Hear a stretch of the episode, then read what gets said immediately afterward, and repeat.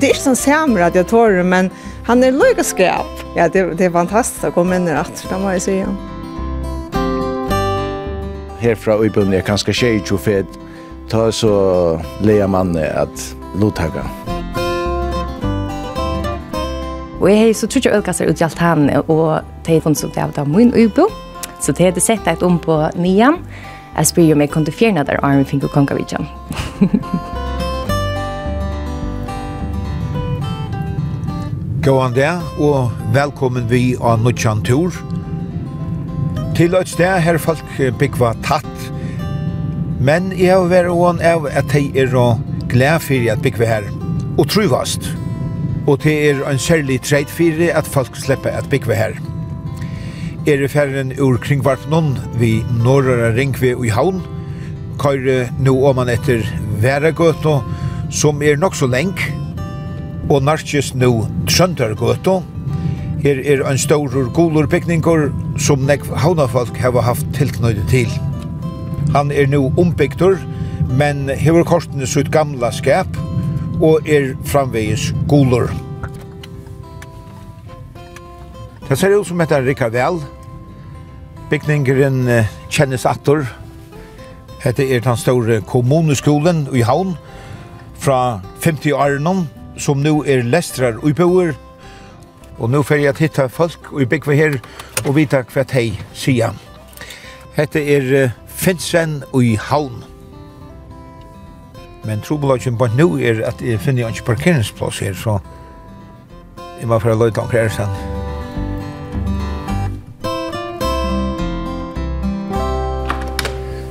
Det er hovedsinnkongen her og så trappene her.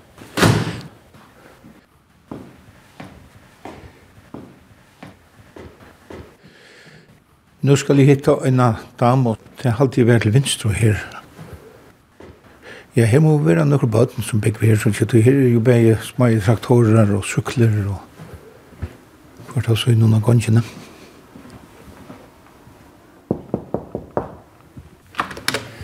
Mona Vank, nå er vi inne i UiPo nummer 2-2-2. Ja. Nummer 2 og er og hatt. Ja. Hvordan er det at Bekva her... Hammerboja. Og Finsen? Jo, det er faktisk uh, ordentlig deilig at vi er her. Vi er fattelig ordentlig vel til. Sjån det at jeg er synder at vi at jeg finner seg ordentlig vel til rette, så lærer folk å kjenne. Men uh, da jeg flyttet inn her, da kom alt de som bygde var i gongene inn og helsa på, og var ordentlig blod og fyrt. Og da har faktisk stående en Facebook-bulk til akkurat hese gongene. Og her har vi et ordentlig godt samskifte, bjør og noen annen til kaffe ja, hvis man manglar akkurst, så kan man bara lana fra kvarn øron, og hvis man manglar en datte som man lukkar godt å kjøypa, så kan man sprida til hjem til her. Jeg synes her at um, de fleste som bygger gongen her bøten, og så har vi et avtale at bøtnene, de ganger bare ut i gongen, og bruka det som en spelplass, og kunne jeg bare ganger inn til noen annan og spela, og bruka leiketøyene. Mm Og det er veldig deilig at vi får at her jeg er. Og det skaper en godt sammenhold til det. Tog at um, det er nok så ringt at jeg lærer andre folk her å kjenne alt det. Tog at uh, det som mangler nok som jeg er et fellesrom. For ødla finnes en. Annars så har vi... Um, kan ju också så som showban at uh, jeg jag at vi er tommer uh, filmlakahandlar som har sagt dans kunne gjøre stand. Mm Och så kunde kommunen kanske brukt det som ett där tillbud till stonar i myser och någon. Och så satt att det någon kunde vi som bor finns det brukt det. Och så kunde man mött kunde och bötterna kunde spassa hemma och så tal det var deilt. Men att låta drömma. det ser mer ut som att ubon är väl inrättad. Ja, jeg har rønt så friast at um, det som sett mot egna prek og, og Og innrettet så er det at jeg tror jeg kunne trivast. Jeg bygger sammen ved tvei mot dødron. Bra vær i tvei år, 24. april. Og, ja, tre år. Og Vivia, hon verer nuttjo 3. juli. Og til Rikard Ørla vel, kammeret er delt opp så det er litt kroker inn og gjør noen som jeg har sett mina sång och så har vi korsvarende gardin i fyra och här sover jeg bra. Så jag jag har ikke bruk för en kamera. Det mest vi vi som brukar en kamera, så tar hon fincha. Och det har vi ju så innrettet så att hon kan um, vara här alltså för seg selv, og da var öliga väl være kreativ. Så hon har brukat näck och timmar ni här. Och Lucas som bara kommer hon og være for för selv, at Det tema är som bruk för det. Vi först. Så Vivian, hon börjar i Santa Fransskola och så hon gånger här. Det är inte något bättre än igen här. Nej, det är det inte. Så hon gånger bara själv igen här kvann morgon. Det är öra dejligt. Och det är en dejligt för henne till så sov här hon är dra apert. Och, och man går som visar man sålar på henne att hon gånger bara själv igen här. Och hon dår ölja väl. Alltså till bilen och allt det här. Ta och i bra så skulle du i veckostavån. Öppna och dig... Eh, Vatnagar og Vøkostå saman og i gamla realskolan som er beint i vrav her beint. Og hon slapp så inn her. Og det var så øyla vel til at det flott inn i Finnsen til at det er et løyt i hana gleim, så er hun Vøkostå. Det er samme gær, ja? Ja, faktisk samme gær. Man ser beint i rura. Det er ikke sånn at hon hikker her og vil slippe heim, og, og hun trives ordentlig vel her, Det var ikke ordentlig vel, selv om det er en ny nøyåpnaver, stoner. Og um, jeg synes at alt er så tatt vi, det gjør at jeg nesten ikke bruker bilen langer. Altså, bensin i Østland kommer nesten mye kan de helt. Jeg kører bare skola og heimater, og man kan gjøre alt her på. Man kan være handels, og her er det spillplass, alt er i ungkvarmen noen. Det er kontant som ikke blir bedre så tar också turen til chat er ut av gläser. Ja, det. ja, han er faktisk lenger, tror jeg at um, akka vara göta. Här öliga lite släppa ut morgenen. Tror jeg at det er sånne stonar og skoler akkurat i göta her. Da. Så här er några biler som man skal helst komme og sende det tulja sted. Man må komme nok tulja ner i skolan for å få parkeringsplass. Jeg er akkurat byrja av en utbyggving som er rettelig nødt. Det heter tre før man kan søke inn. Og hon kallas tilvirkes ätstöje. Jeg tror vi öliga vel her, og til akkurat nægge problem. Altså til öliga altså brett. hva vi kommer köka någon. Og mamman Vivi Vank er ösn her. Så om du borste i Sandavai. Vi vi är skilja land att du hur kan ikke skola just her som vi sitter nå. Altså, min fasta var noen år var innan så så gångsna. Så her har vi ikke ikke kunnet det er vi eneste det er etter og frem. Og jeg har togst den i akkurat det hese stånd. Det er nok stått litt at genka etter og minnes etter hva man ser og Man var eisen til um, frafæringar rundt inni her, man ser at utanfor gongen i her, i radiatoren. Det er ikke sånn samme radiatoren, men han er løyga. Og man minnes at man, man setter seg og nyr randa i inne boia i og man har bensjen. og ja, det, det er fantastisk å komme inn i rett, det må jeg si. Ja stått litt. Og trappen er, altså når man kommer inn, Alltså kvar man kommer in här på så så minns man att rabattnaren alltså han lukter den. Jag halt han ner den. Han trappan är brun och man skrattar i att den skulle länta den akkurat han ser mig halt det. Det verkar stått lite. Man minns att det gamla det är. Alltså ni aulan hon akkurat han ser. Minns morgon sanjen hej man går minner. Jag minns morgonsanchen Ottar Jakobsens, Jordi han blev färg var vi och hon och vi sunko och Knut Olsen spalt klaver. Men det minns det som något gott, alltså gå minner. Det gör jag. Så det går känsla att du fart att du kommer in av vilka mån och, och, och bödne?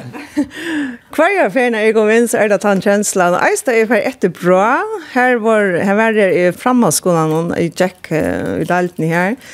Og ta er så ferdig etter jakkan og ødlen tog ikke bra, og ta minnes, jeg ser at det tog stående jeg snu, og da kommer tankene alltid. ta vi lærte å skrive færskriving, vi osvør her, og dansa først kan dans, og gongene vi Absalon, og alt det som vi lærte utan ned, og da lærte man alt utan ned, det. Åtensi og boken bokensi og mittelfart, alt det er så fast. Ja, det er det minnet som kommer fram. Det er nok stått litt.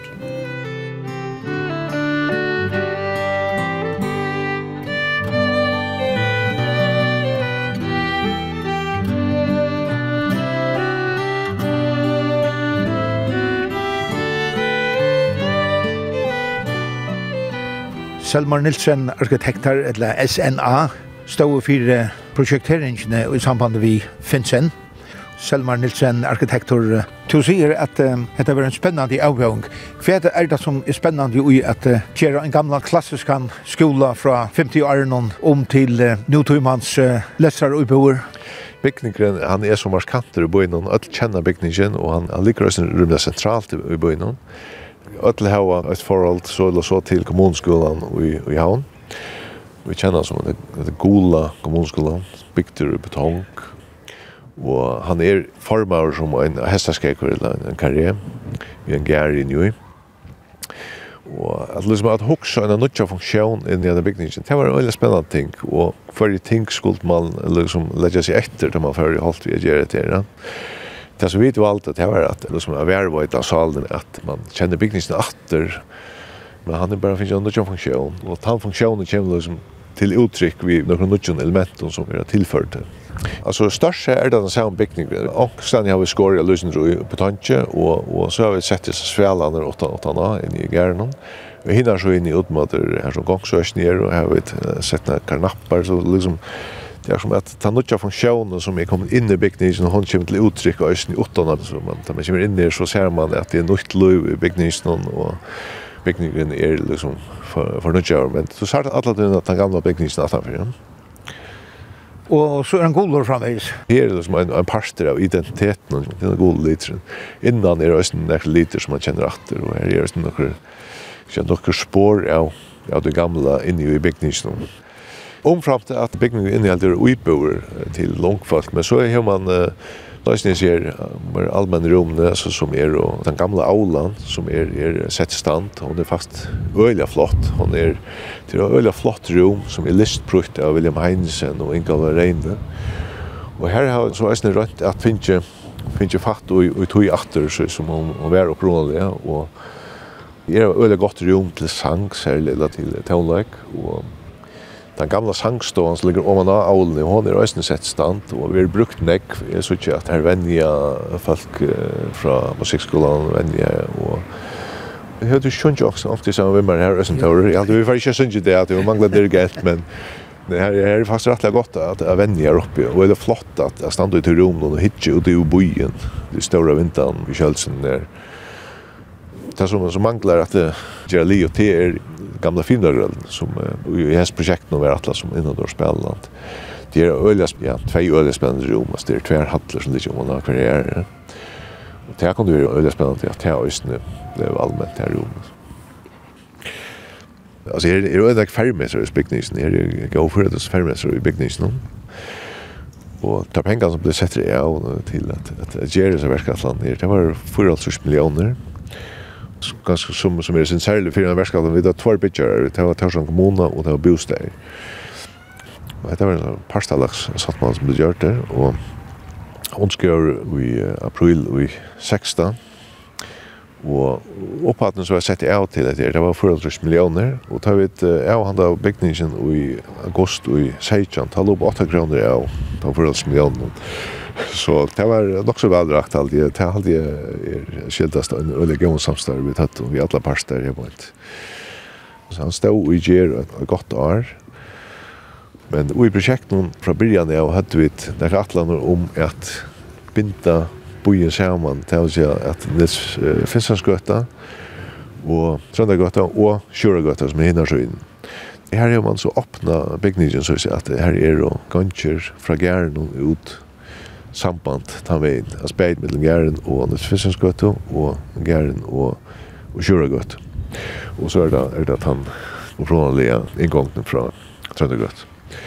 til, till till som är så danna arkitekturen i Gären og så göte samband ner på som så är nere möter ingången till Uibunner. Mm det var området å få lett opp så du slipper før veier. Ja, det er uh, rett området at uh, dette rommet her ikke bare er et rom som hører til disse uh, lesterøybøn her, men det er et rom som hører til byen.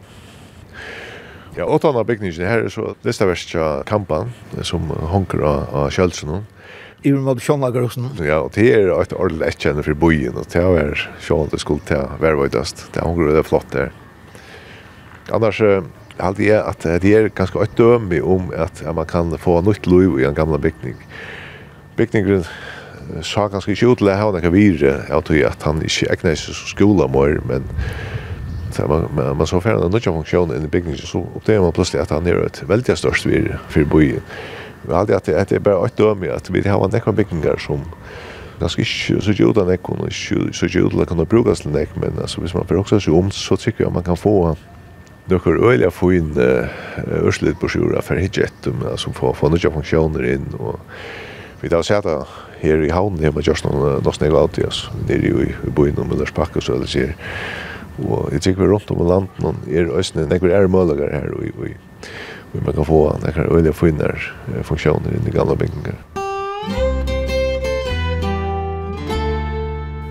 Nå er jeg inne i uibo nummer 8 her av Finsen og her bor Brantor Hennosarsson og i Fonningstovo. Brantor, er du bo her så gjerne finnes en lett opp? Ja, det kan man säga. Jeg halte at uh, vi var det første som flyttet inn. Uh, jeg halte det var Lukas som i tveimån, kanskje for at det ikke skulle være sånn en forstyrrelse vi, vi flytekassen, at det Lukas som delte det opp en av vinkelmiddelen eller, eller hva det var. Og Jag hade jo nummer 23 av av 100 och nek som som vi möjligen til hesa 35 i bonar. Så så här är akkurat upp på väg. Och tänker du inte? Nej, jeg tänker det inte tog att här är gott att vara. Här är här är frialet, selv om här bygger man folk. Det är väl just i alla matar och jag ankar bagateller är självande alltid men jag håller de aller fleste är öliga glad för jag bygger det, det vil jeg si. Aurek vil ikke for en annan, og, og jeg har hørt folk også om at det ikke er noen, noen felakshøler, og, og det er kun til det være, men, men her er jo felakshøler som er brukt til andre endamal, til dømes uh, aulan er brukt til nekve mentanar tiltøk. Og gloppar man horen og kveldet, så hører man ofta korsank, og det er nok så honalt faktisk. Og så er det andre tiltøk, og ofta ofta kanskje man man förvit långt kan allmänna fond tror jag att tror jag ja herfra uppbunden jag er tjej ju för fet ni i allna så så ta så leja man at lotaga. og og og påskon tar vi FM 12. og jag tycker inte at jag at jag meldar meg til uh, Hvis det ikke var att bo så nær, men men uh, nå omhugser jeg om jeg skal, om jeg skal uh, lotaga. Ja, nu er jeg ikke uh, middelen de yngste som bygger vi her. Jeg har silt i, uh, i en tutsi år i uh, Fralandavinnene, og jeg er faktisk utlærte skipsførere. Og, og så for uh, en trimon åren søgjene, så, så var det som uh, en ny gang i, i oljevennene. som gjør det at, uh, at oljen ikke skip ble løgt. Og, og ta valgte jeg... Uh, valgte jeg lukka som har brukat det som er møvleika. Og søkte uh, mest, uh, arbeider av Bajalandi og Sjekve, og i middelen mine omsøkene var eisen i ein til fråskaparsetre, og ta og i avtattene, ta var det eneste positiva Sverige jeg fikk i tog omgangsene, og tog, uh, tog valgte jeg så å begynne oppbygging uh, innan stjøttmalafrøy kanskje et, et fag som jeg har stor an avhå i uh, langt fra mine tog i Høytøland, samflagsrøye. Men uh, alltid hadde jeg for å sikla så, og var vi imenske skipen og i showeren og så videre, ta vet jeg lukka som uh, lattere at bare fortsette til alene og til, til skipsførere. Men nå er det, uh, ja ja, skal man si, uh, uh, mye og alt, så nå er uh, en helt ærere oppbygging, og, og vånen til mer er at det ångsvegne kan uh, kombinere hese bare utbyggingene til akkurat uh, til dømes uh, akkurat maritima firesitting uh, av landet, eller, eller hva det ble til. Og han sier så vant jeg ikke at ja, jeg har silt uh, min uh, sørste tørn til at vi ikke. Tog at uh, jo gammal nu i hej näkra sindra kistebotten men men uh, att läsa och och, och jag har ju mitt projekt där landet ta kostar. Men hette vi en god tur glad för för att det tog till outjerna. Ja, her er øyla vever godt, og jeg gæren noen her bant, og, og eit som jeg har bitt mest, og i til ofta ta i, jeg hittir ut omkring dagen, og alt mer kanskje en rennetur, Og det ser ut som det finnes av vever. Og, og det er det kanskje her inne i Gernon eisen. Og så fer jeg om man på inn og ut ved strand, og det viser seg at, at, det kan nesten være stormer. Vi, vi merker øyla løyte til vind, og vi høyre det enn minne, som en, en, en bunkar, som at... Talvi er sett opp, så to er til røyer. Ja, hatt talvi larma steg til pint nu i et år. Et helve er sintor uh, løse oppgaver uh, av netnån og nei, jeg kan ikke påstanda at jeg har nekkan chans uh, i, i en uh, FM-kapping, men ta det er så vi som det er, så, så er ganska stolt över det vi. Det er alltid nok så spännande jag finner jeg vi vi vi tal annars.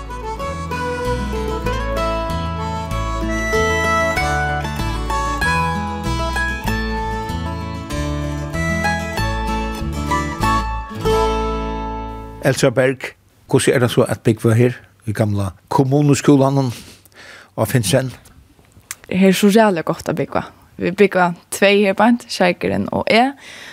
Til er vi på noen, etter tror jeg gjenger i til universitetet, hvis du skulle gjøre innkjøp, så er det etter tror jeg, og ned til simhøtla, og man er fitness, og hver enn vi skal fære, og det er en rettelig kjøtt at gjenger en tur ned i plantasjene, hvis man lykker vel, bortsett fra utlom betonsjonen. Og nå uh, skiljer Lennon at hit uh, kjera nok snakk borster ur uh, er skilja ruskil. Og to er støyn av høvespersonen og to tiltakene er mer sagt. Ja, det börjar faktisk vi at uh, Lisa Ideale som bor som er gongt, som vi tok seg til at uh, samla pant og lød inn. Det er ikke alt som har vært enten plass i utbundet, eller orske, eller ho at færa nyan og selja seg pant og lødene. Så det blir vi samla inn i kjattlæren Og så har vi så utvikket til skiljeskipene.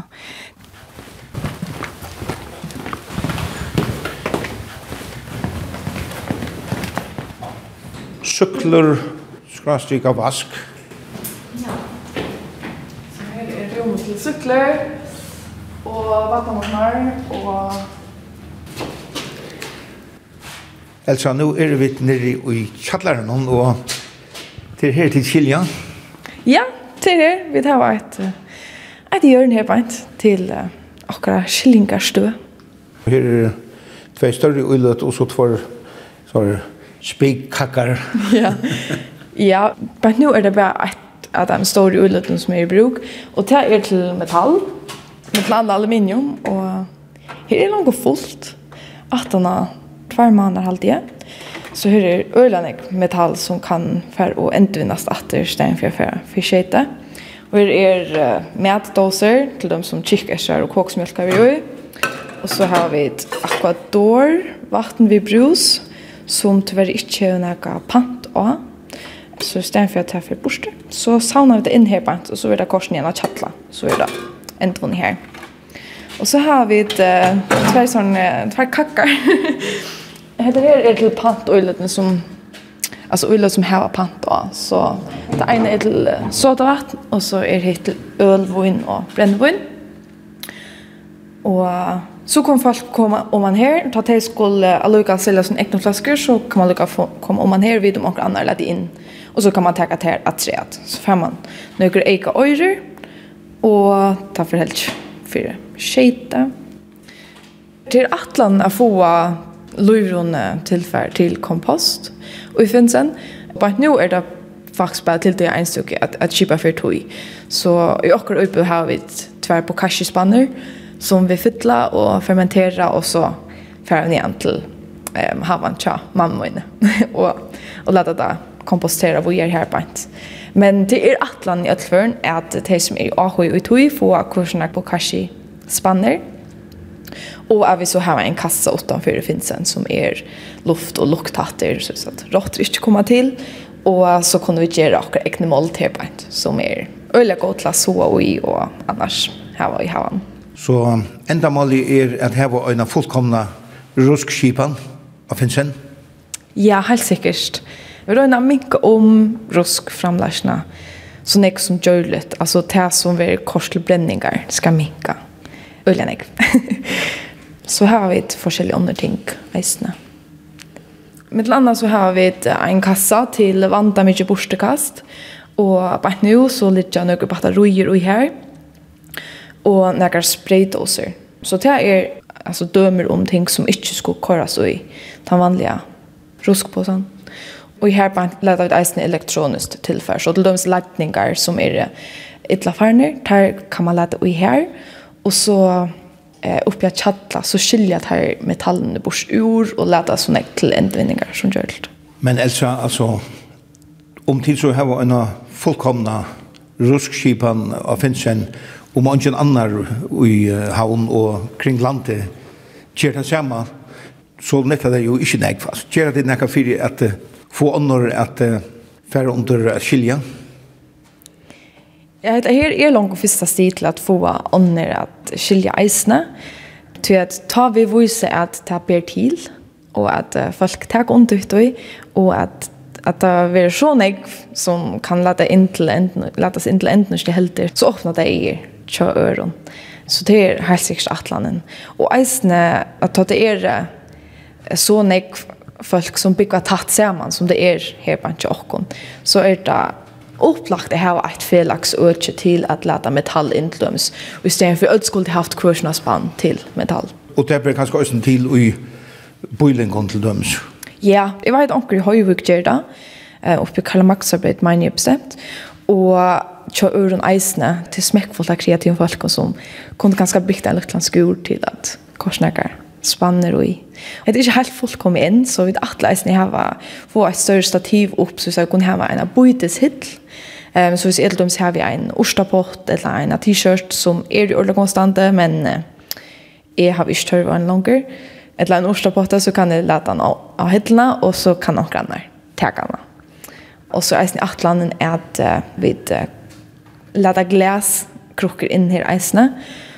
tror jeg at jeg kommer lade inn til uh, velgjande endamal og etla bare bruka kroknar og ubjone til at køre med og i.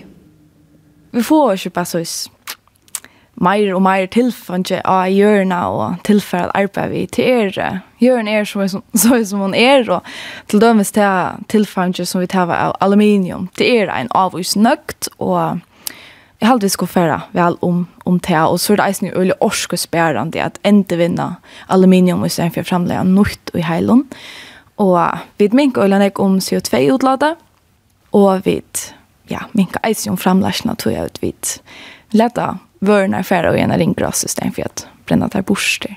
Det var veldig viktig for meg å være vi just nere for at det er oppe standa, tror jeg at ja, jeg, jeg ble faktisk øyne inspireret av Østlem. Hun var i Norrland hos noen 400 år siden, og hun har begynt som heter Dialogkaffe, Og hon er nemlig prøva verja, og så rævlig nekon samfunnlagsplåsen, om man kan kalla det til, altså som einstaklinger, og så er vi i fagfølgen, og man er i utrettaffølgen, og så i kommunene, og så i folkatingsjonen, og i ödlens ner sessnorna och och hon lusten med att ta så ölla väl att som einstaklinger har man hotlat att köra aberna fra till samfläge eller till kommunerna Och så kör man i kommuna och så är man hotlad att uh, sätta avbörna till landstyret. Så kör man landstyret så vänder landstyret avbörna av Isaac ingen. Så, så tror jag det är viktigt att man ger mån här som man är. Och tar ögonen vi så ger här i Finnsen. Jag kan umynda mig att vi är som tilltäckning och lägger oss inte trusht av myndlagarna. Märker du det? Jag vågar att, att, att det kan virka till det. Så nu är så så krävs det en, en stor AH att skilja. Det är inte just så lätt för borgaren.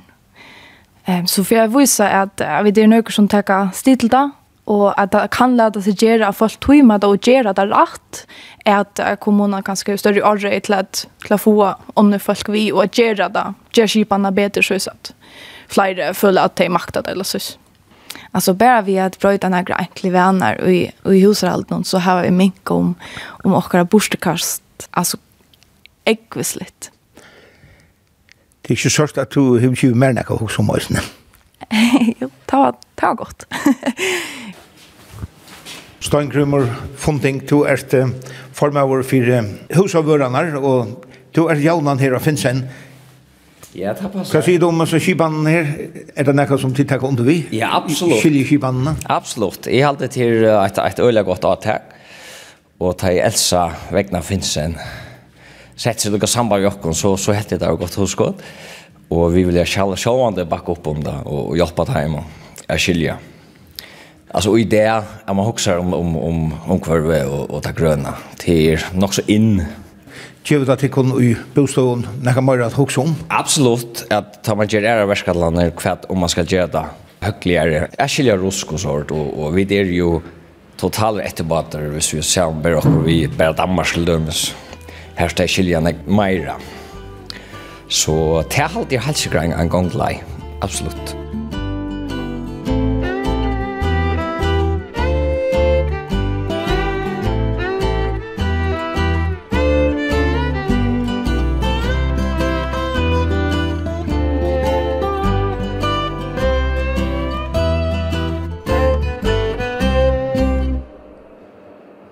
Nu fer det størst løret på en loft her i kommunskolehallene. Og så er det et svart teppe som også skal til Suyes. og så kommer den uh, legendariske målningeren til Kjøntar tja, til listaverket tja William Heinsen, og hovedsvetjen og så er det Trutje Smarri òsne. Sjurur løyper av grena bæk, han stottust øy vi teim, røyer han så lattlige som snetjan renner i streim, stender i nekra her, og så er det her listaverket som i halte, man kan si, er uimenden av kommuneskolan, kommuneskolehattene, og oppi av balkonkene henga fyra listaverk òsne, fyra moldingar, Ingolver av Reini Øyer Trutjar og Sakarias Heinesen. Og tar er atler fra 1906 holdt trus, så tja. Det må være til arre, kommunskolen var tidsen i Norsla. Jeg sier kommunskolehøtlen, men det stender også i Auland, som nok nek havna folk kalla hesa høtlena. Ja, ser jeg flott.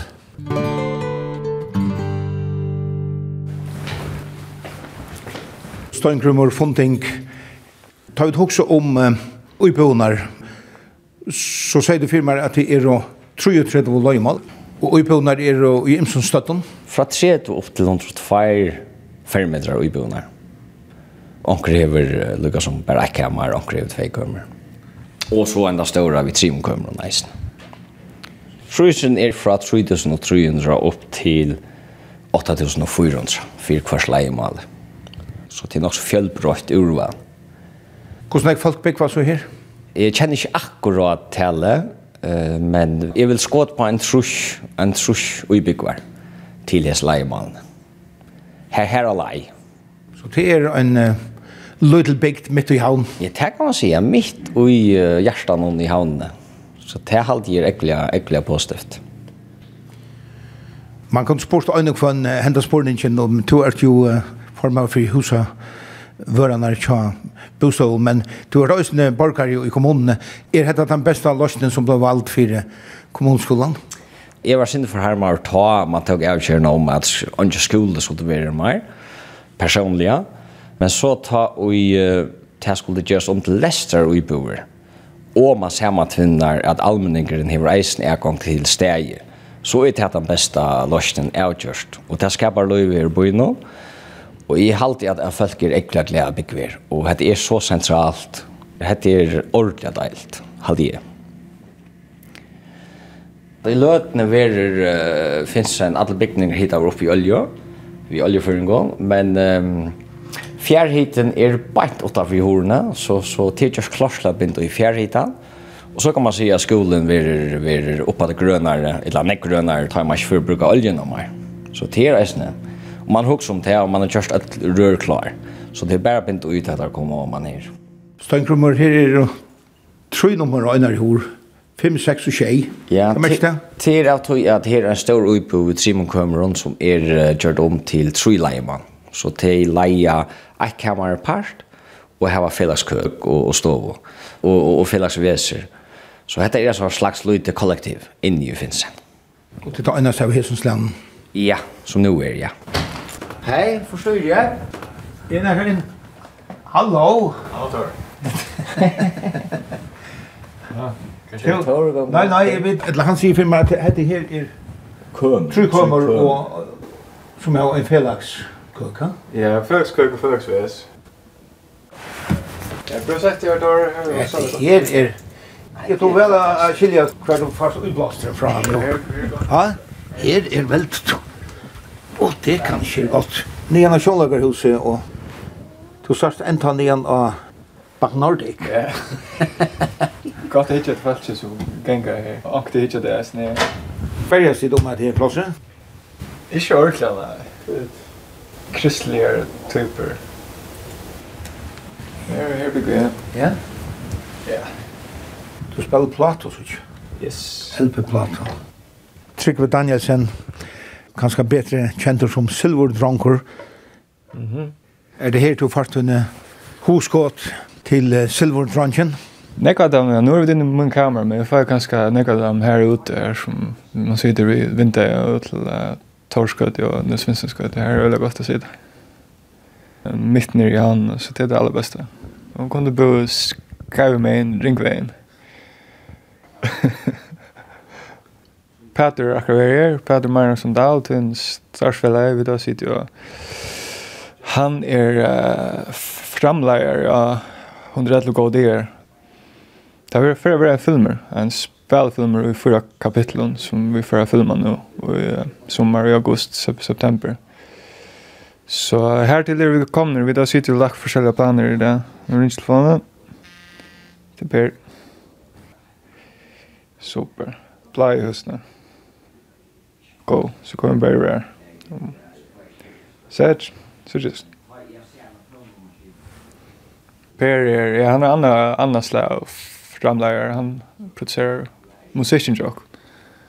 Och uh, Silver Ranch, han er lukka som hatt uh, nesten 18 fyrir allt, kan man säga. Han, han som gjør Ja, han som uh, gör musiken kan man säga faktiskt. Sen har vi Karl Andreas, här, stora tarbarer har just löjna så ger jag åren till faktiskt just när det är. Och det har jag en cruise kod till musiken näst men det regnar allt om efter det där där då så rannig bättre nu. Så stöller han blir mera han som man ser. Rönterskaur. Ja, man uh, kristalliserar synter tar man ju mer man arbetar vet du så. Hade man mest där tror Alltså, du färdte en, en av som vi alltså. Ja, sikkert. Tror jag kanske man finner mer ut av vad det är som man vill. Brian Reinman ser inte fram och så för man kan rycka och vad det ryckar. Det är förstånd. Du spiller LP-platen, det er sånn. Ja, för att göra att läkare vissa där. Louis and the Good Book. Jag fann den sig här nere i Reakrosse. Louis Armstrong? Yes, det är att det var ordentligt kopa att finna nere i Reakrosse. Oliver Choir. Yeah bringing spirituals with the Cy Oliver Choir and the All Stars. Ja, gav Rea Cross 20 kroner for en alltid. Här nere i Amplen. Nobody knows. Hatta svingar. Hatta kjenner som man kommer at til ankra røtter. Ja, her sikkert, ja. Hatta får inn uh, lika med tjater, det sa jeg. Beina veien. Ja fällt i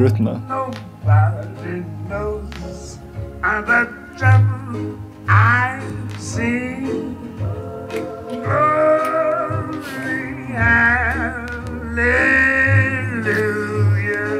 Det är det. Yes, lots of trouble floating around these days. Seems like everybody's sick, sick. Og en annan som bor her er Simon Mellemgård, og her er godt å begge Simon. Ja, ja, her er det godt. Sitter ute her og i... Hvordan robot er det her? Det er glas ute i ordet, altså. Det er, det er suttje alle veier her. Ja, ja, ja. God utsikt, godt, godt å sitte. Stål i vindan og alt. Og det er ikke vel, selv om det er tro i imisk løyemal som har et felaks øke her. Jo, vi finner vel det sammen. Hver så kan man felaks køk. Det Det finner jeg deilig på litt. Man må så ansette at du ikke skrå prusene opp til det her enda. Ah, er Andersen. Hjelp, hjelp, hjelp, hjelp.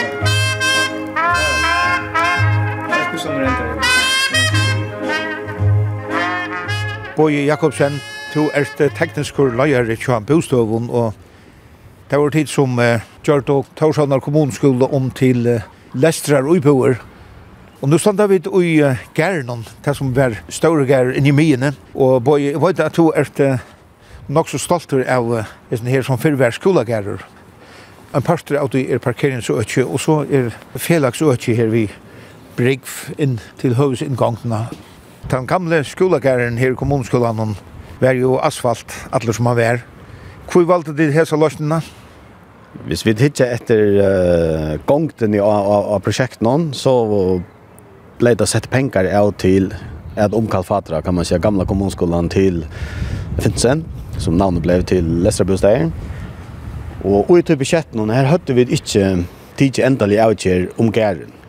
Petran allmänna gärer och Torsan kommuna hej inte att att gären ska vara en jökne gång en gäre nere från Gräsagärre och nere från Steinatone att du kan färra nian hända vägen till Gånke och så nian mot plantagen igen mot Gondadalen akkurat hvordan det skulle takke seg ut, det hadde vi det ikke vi i början.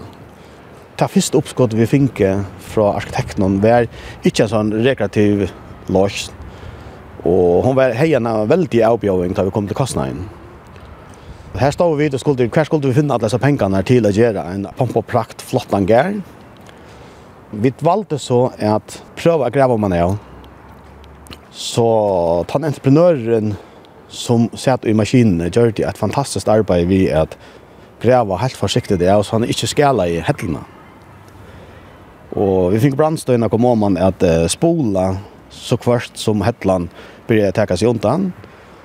Og vi har faktisk helt til å være så flott at ikke et eneste arkitektprosjekt kan standa i måter hesten her karroa fra, fra nåttenar hånd gær vi har det. Her og og og det blir rekreativt så ikke hettelna og så er er en grusgata lagt inn i midten vi vi sentra centra og til rått og til er til flott alltid og boilet hade nekna boilet så lossen vid kunde ju högjörst så hendan hetlan eller ja hon er vid formen eller trimon hon är väl under asfalten att det kör ja Alltså det som är halt så stort att sådär, det är, vi ser kallt det för en stein, det är alltså Hetland är ordentlig avrunda. Man ser att er ton jöknen kanske en halv stod i hev brunt toppen av av sån her steinen och armar för gång till skolan tar vi i holdt trusjen. hon tar ju detta veri alltså det vart Myrland jag finnes fortalt. Så vi såg att Hetland är rättliga tatt upp junter.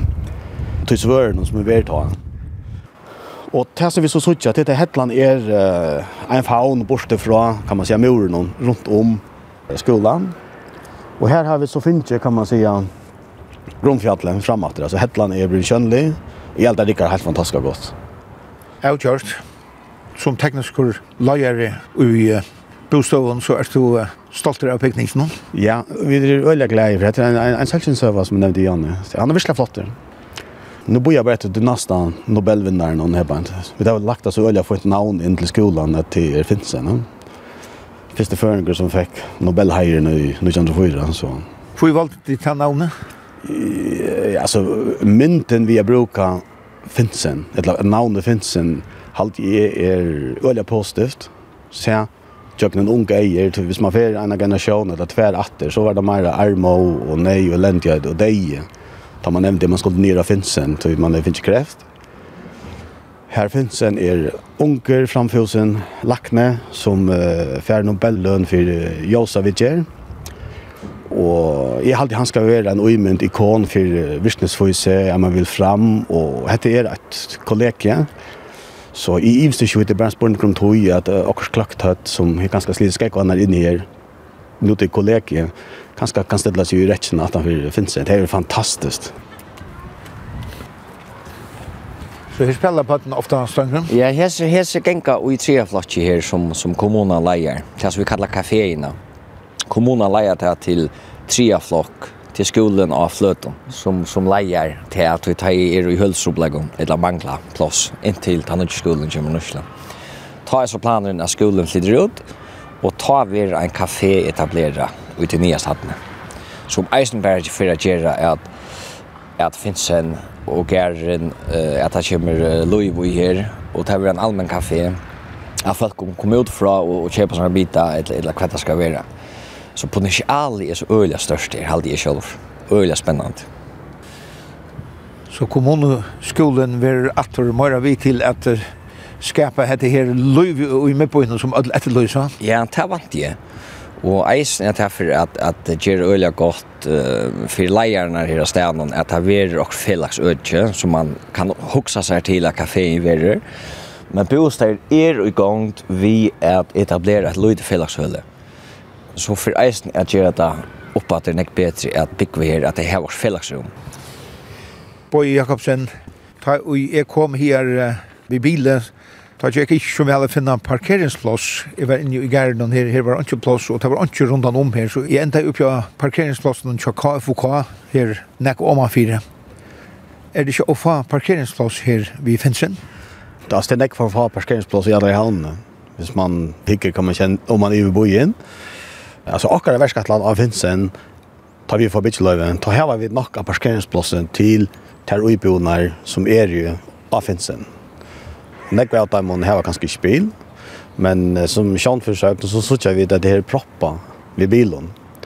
Og, og det er neien til folk vi at det kommer til havner kanskje som arbeider bygd, er bygd av folk, og kanskje havnaborgere som arbeider nere i havnene, inne i havnene, kanskje kan de sette bilene.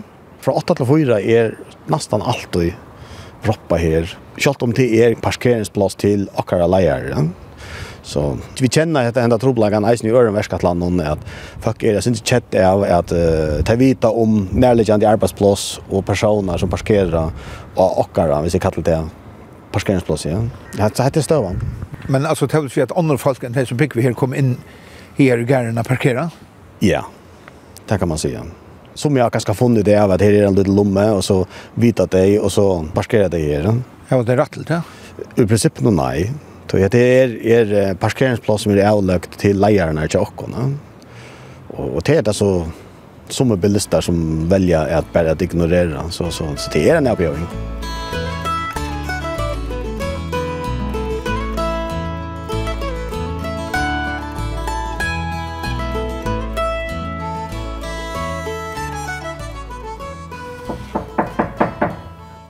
Hei! Er det Sara? Hei. Du erst heima? Hei, hei. Hei, jeg er Sara. Ja, ja. Hei. Jo. Velkommen til å være oppe. Ja, ja, ja, ja. Dette er inne tja Sara Sandum. Og hun er nesten nummer 8. Min bostad er etter Trøndagøta Holtrus, og så bygg vi er av Fist og Hatt, og i bo nummer 8. Trøndagøta Holtrus, 1-8. Ja. Jeg er oppvoksen i Brekkegøta. Det er tvergøter herfra. Jeg er oppvoksen i Rabarberkvarsteren, og her bygde mine foreldre inn. Og jeg vil påstand at jeg var i kommunskan lykkes kommunskanleggasjonen var nyføring nesten. Um, pappa min var en ikke var i utråtterhånden.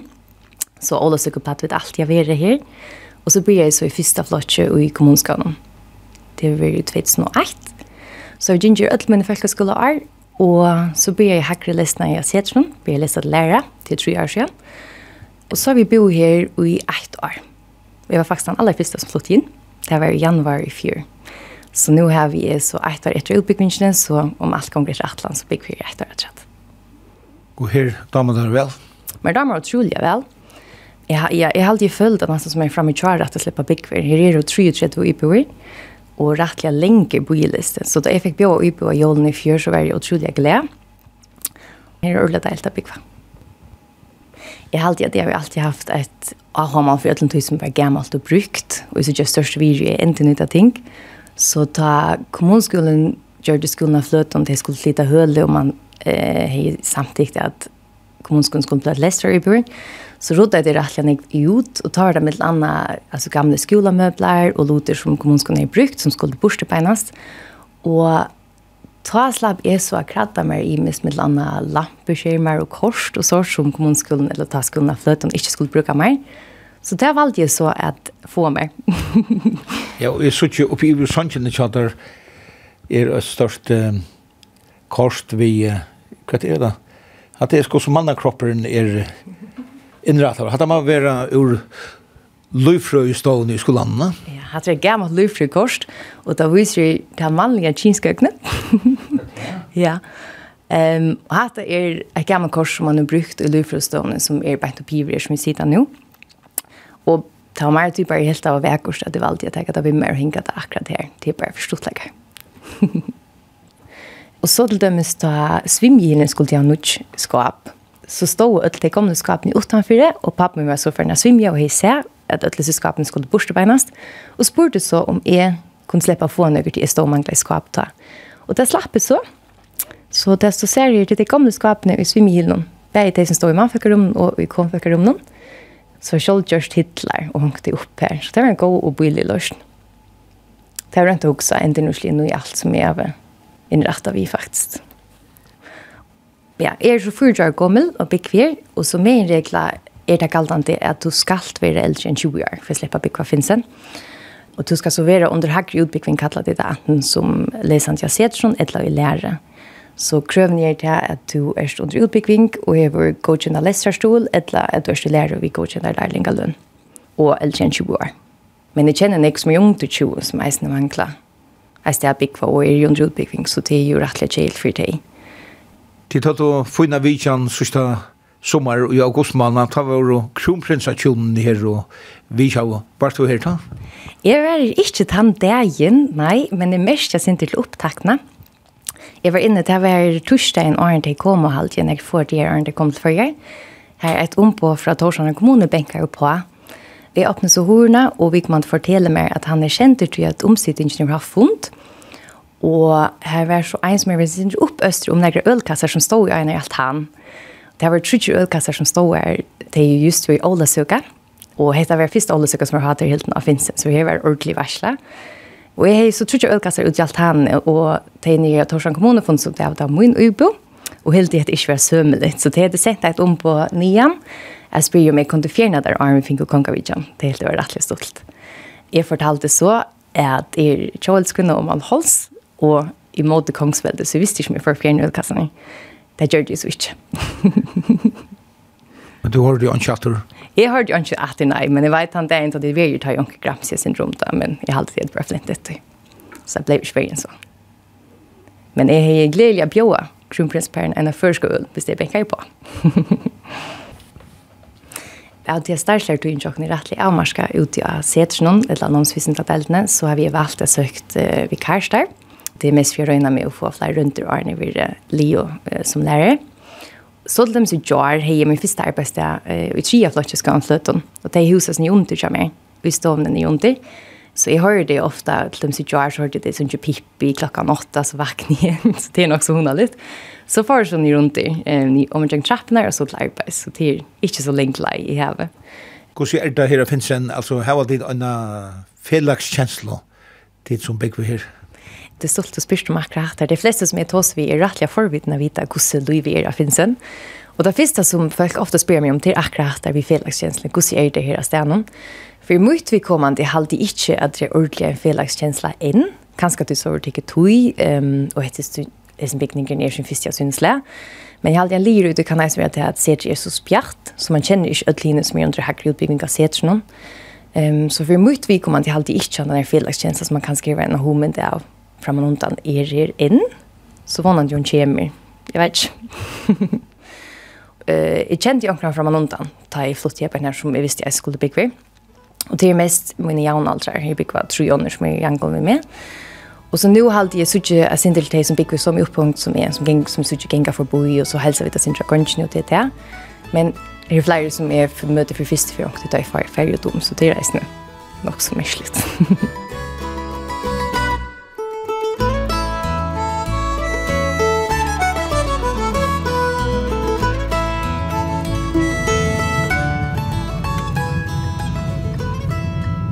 Hetta var det vi tatt og skrånne i det. Vi tatt og vidtja av Finsen i havn, som nu er lestrar uibøver i Meboinan. Tan store gamle kommunskolen. Og hun har vært at vidtja her. Hese turen er atra at høyre i utvarpnån torsdag klokkan 11 og leirdag klokkan 4. Og det blir øsne til at lusta av heimasøyene kjøkringvarpnån skriva kvf.fo framskak tt. Her er hesenturen og atler hiner at finna. Det blir også til at høyra turen som podcast. Vi tar jo turen her også i øyne sujo av Facebook, og her kan du sutja mynter og anna og i samband vi turanar. Vi tar rast atur om øyne vikong.